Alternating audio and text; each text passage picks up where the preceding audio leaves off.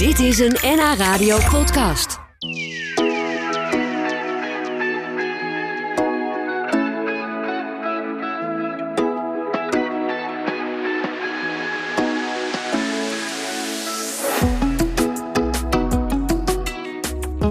Als je de geschiedenisboeken leest, dan lijkt het soms wel alsof vrouwen niet bestonden in de 17e eeuw. Omdat de meeste getuigenissen en verhalen uit die tijd vooral van mannen afkomstig zijn.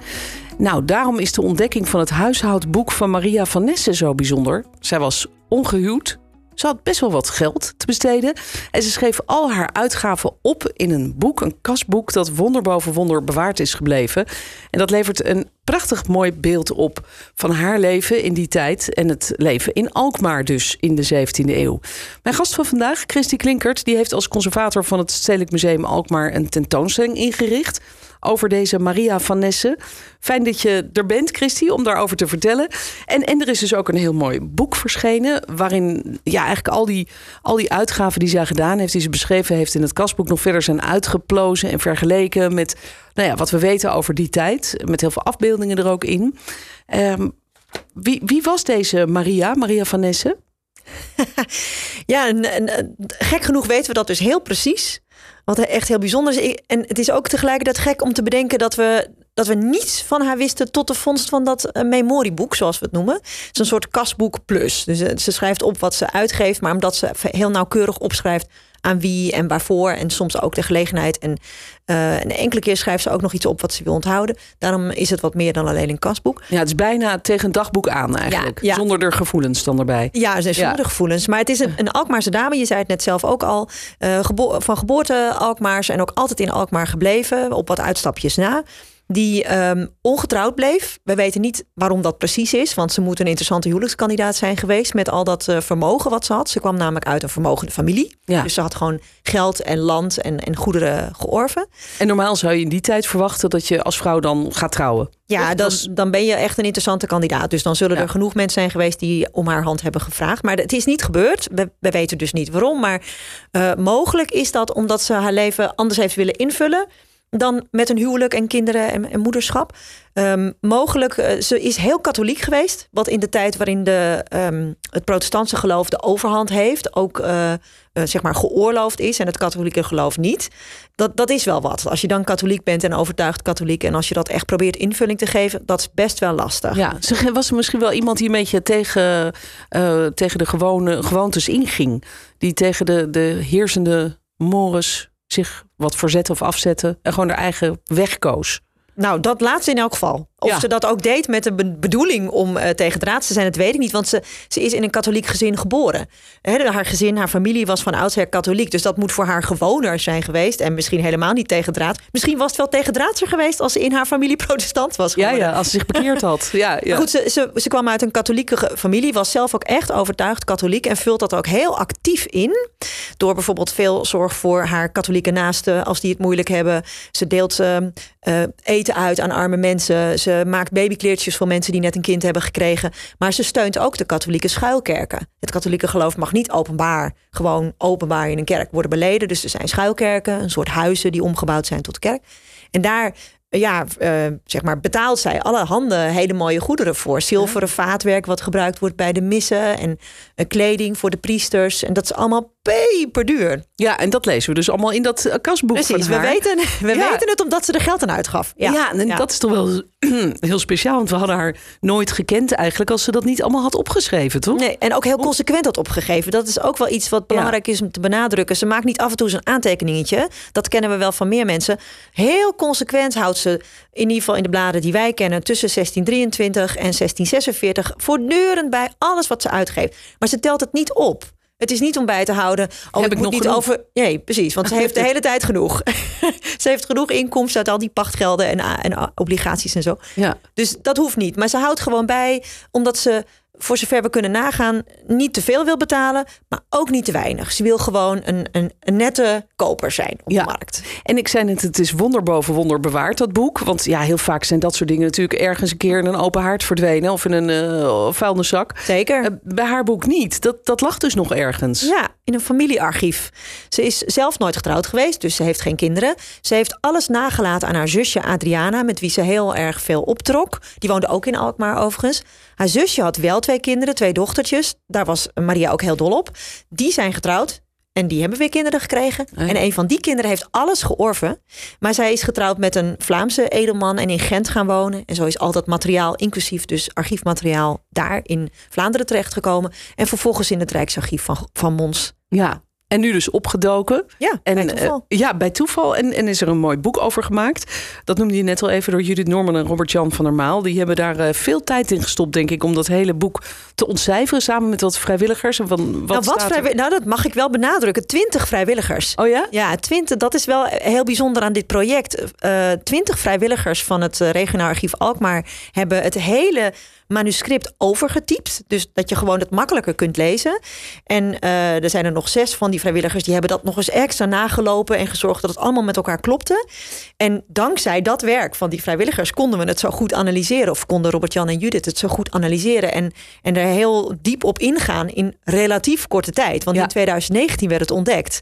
En nu hebben we al een tentoonstelling en een boek. Dat is best wel snel voor, voor dit type onderzoek. Ja, kan ik me voorstellen Ja. inderdaad. En het is dus eigenlijk een soort schatkist die jullie gevonden hebben. Oh, zeker. Waarin heel veel informatie staat over het leven in die tijd. Ja. Eh, Wat vertelt dit boek bijvoorbeeld? Als je eh, denkt van nou, daarom zijn we er zo blij mee. Nou, een van de dingen die voor mij als kunsthistoricus en, en museumconservator heel verrassend waren en eh, echt heel goed om te weten. Eh, een, een schilder in Alkmaar bij wie ze heel veel koopt is Klaas van der Hek. En die kennen we al heel goed. Daar hebben wij veel werk van in de collectie. Komt nog steeds regelmatig op de markt. Het, is, eh, het zijn heel sympathieke en goed gedane landschappen. Dat is wat hij heel veel maakt. En ook bijbelse voorstellingen.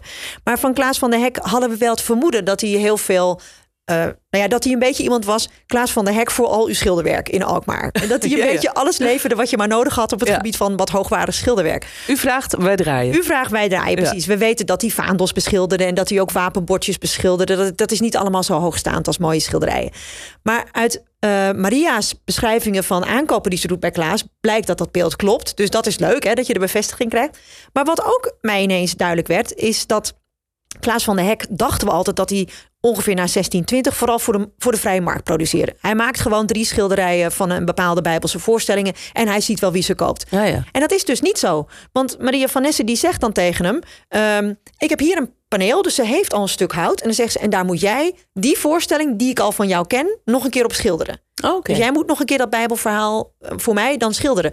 Dus dat is dan wel in serie schilderen, maar toch ook in opdracht. Ja. En voor kunsthistorici is dat wel heel leuke interessant om details, te lezen. Ja. ja. dat zijn details waar ik wel heel blij van word. Want dan zie ik nog beter voor me hoe zo'n kunstenaar aan het werk is. Ja, ja, en dit boek staat ook vol met details over andere ja, ondernemers, lokale ondernemers waar zij mee, eh, mee te maken Talloze. heeft. Waar ze er, er eten, er drinken, de stoffen voor haar jurken. De strikjes. eh, de, de strikjes besteld. En dat hebben jullie allemaal in dat boek. En dat, dat is waarschijnlijk ook te zien in de tentoonstelling. Die nu bij jullie te zien is in Alkmaar. Daar gaan we het zo nog eventjes eh, verder over hebben. Kregen, Christine, net een vraag van een luisteraar. Die zei, ja, hoe heeft ze dat eigenlijk altijd bijgehouden? Was dat met pen, met potlood of met inkt? Hoe ging dat? Ja, dat deed ze met pen en inkt. Dus dan had ze een, een, een veer, een ganzenveer of een, een kroontjespen of iets wat daarop lijkt en inkt. En eh, je ziet dat ze soms ook verschillende inkt gebruikt. Dus soms is het nog heel donkerbruin en soms is het lichtbruin. En het, het kastboek ligt nu in de tentoonstelling. Ligt ook echt centraal in een vitrine in de vorm van een soort bureautje. Zodat je ook voelt van, nou ja, ze heeft dat zelf geschreven. Eh, en het is eigenlijk heel onaanzienlijk hoor. Het is gewoon een stapel papier, iets groter dan A4-formaat. En dan eh, rechtop staand gebruikt. Heeft ze dan in twee kolommen gesplitst door een, een streepje te trekken. En dan in elke kolom schrijft ze allemaal items op. En dat begint eigenlijk altijd, al die, wat is het, drie, drieënhalfduizend items, begint met ik heb. Dus ik heb eh, meel gekocht bij molenaar Hupplepup voor zo en zoveel guldens en stuivers en penningen. Zo rekent ze altijd.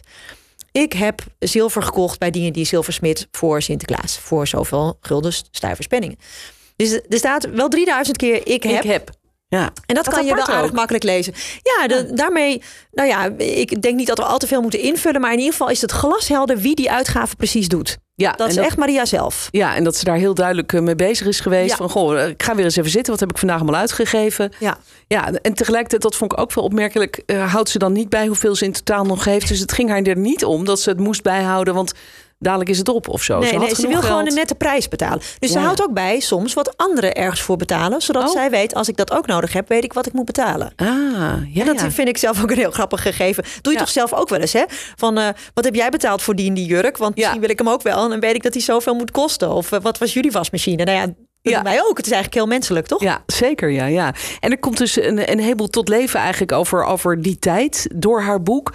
Eh, ook het soort schoenen dat ze droeg. Er staan hele leuke afbeeldingen in het boek. Wat is er van allemaal te zien op de tentoonstelling? Nou, centraal ligt het, het kasboek, het memorieboek. Want daar, daar weten we alles uit. Maar we hebben wel, toen we de tentoonstelling gingen samenstellen... dat ging eigenlijk gelijk op met het boek. Dus het boek werd geschreven. Eh, ik kreeg de hoofdstukken in wording en kon meelezen. En daardoor ook meedenken over hoe mijn tentoonstelling dan eruit moest zien. Ja. Gelukkig had ik ook nog een hele slimme en goede stagiair aan mijn zijde. Dus dat, dat helpt enorm als je dan samen die discussie voert en samen leest. Eh, dus eh, Jasja heet ze. Jasja en ik hebben zitten denken... hoe zorg je er nou voor dat zoiets een beetje praktisch als uitgave... dat, dat, dat we dat omvormen tot een soort leefwereld. Want wat je wil natuurlijk is haar leefwereld reconstrueren. Ja. En toen gingen we gaandeweg al lezende dachten we... nou, je kan echt die uitgave in drie categorieën indelen. Drie sferen waarvoor zij haar uitgave doet. Ten eerste voor zichzelf en voor haar huis. hè. Je hebt gewoon spullen nodig om te blijven leven. Eh, ten tweede voor haar familieleden. Ze is heel nauw bevriend ook echt met haar zusje. En eh, ze houdt veel van haar ouders. Die zijn dan wel al overleden. Maar daar laat ze missen voor opdragen en zo. ja. Ehm, en ze geeft erg veel om haar nichtjes. Daar koopt ze cadeautjes voor. Dus dat, dat blijkt ook uit het eh, memorieboek. En dan ten derde is er de sfeer van de kerk. Omdat ze natuurlijk heel druk bezig is met die schuilkerken. Die Ja, katholieke ja. schuilkerken. Dus die drie sferen hebben we geprobeerd op de drie wanden van de tentoonstellingszaal tot leven te wekken. Door bijvoorbeeld archeologische vondsten te tonen uit haar straat. Want Oh. van haar is niks over behalve dat kasboek. Nee, maar dat weet je niet zeker. Want misschien die, die, misschien die wel schoenen ergens. Ja. die gevonden zijn daar... eh, die zijn misschien wel van haar geweest. Nee, er is inderdaad. Er zijn hele mooie Spaanse leren schoenen gevonden. Of één schoen eigenlijk. In een beerput. Maar dat is de beerput van Maria Tesselschade. Oh. Een tijdgenoot en overbuurvrouw van haar. Oh, echt? Ja, glasgraveur ja. en dichteres. Een heel eh, beroemde vrouw. Ehm, maar zij kocht dezelfde soort schoenen. Dus Ja, daarom ja. tonen we die schoen om een beeld te geven waar zij op liep. Oh, dat is wel de schoen van Maria Tesselschade. Ja, ja, ja. En in het boek staat misschien wel wat Maria ervoor betaald had. Goed, eh, ja, zeker. en Ik zag dat er ook recepten in staan voor bijvoorbeeld gestoofde kip. Kip, ja, klopt. Grappig. Of voor eh, koekjes. Of ja. voor koekjes. Of een recept tegen tandpijn. Wat, Ja. wat deed ze daartegen? Oeh, dat moet ik je even Oh ja. verschuldigd Nou, dat blijven. Ja, staat het in- staat wel staat in ergens. het boek. Het zal wel iets geweest zijn met... eh, volgens mij zit er eh, koeienmest in. Oh, koeienmest? Ja, dus ik zou het niet naproberen. Nee, gaan we niet doen. En ze kocht ook Sinterklaas cadeautjes. Ja. Ook grappig in deze tijd. Wat Ja. kost zij dan bijvoorbeeld? Nou, voor haar nichtjes, dat, dat vind ik echt heel erg bijzonder om te lezen. Voor haar nichtjes koopt ze op een zeker moment voor Sinterklaas zilveren miniatuur speelgoedjes. Dus een miniatuur bordje en een miniatuur kandelaartje. Dat is echt best wel heel prijzig op dat moment. Laat ze ook eh, maken. Eh, en daarbij geeft ze dan ook muntstukken en een soort peperkoek. Oh ja. Dus het lijkt best wel op nu Sinterklaas. Hè? Ja, je gaat je een beetje te buiten. En dan, ze zal niet zelf zich onthuld hebben als de gever. Hè? Want dat werd ook op dat moment net gedaan alsof het door Sint was gedaan. Dus die nichtjes hebben misschien pas achteraf gerealiseerd dat ze het van Tante Maria hadden gekregen. Ah, mooi, mooi. Nou, allemaal dit soort leuke details zijn Heel te lezen leuk. in het eh, unieke memorieboek van Maria van Nessen, een vrouw uit de 17e eeuw, vrijgezel, als we het zo mogen noemen. Ongehuwd in elk geval, zoals vrijgezel. Ze had goed wat geld en dat gaf ze uit en ze hield alles bij. Ehm, ik vond het leuk dat je er was. En, en die tentoonstelling, die is natuurlijk nog eh, even te zien in het eh, museum. Hè? Hoe lang Ja. nog? Tot 19 maart in het nieuwe jaar. Oké, goed. Stedelijk Museum Alkmaar, daar gaat het over. En eh, nou ja, ik sprak erover met Christy Klinkert. Dit was een NH Radio podcast. Voor meer, ga naar nhradio.nl. Radio.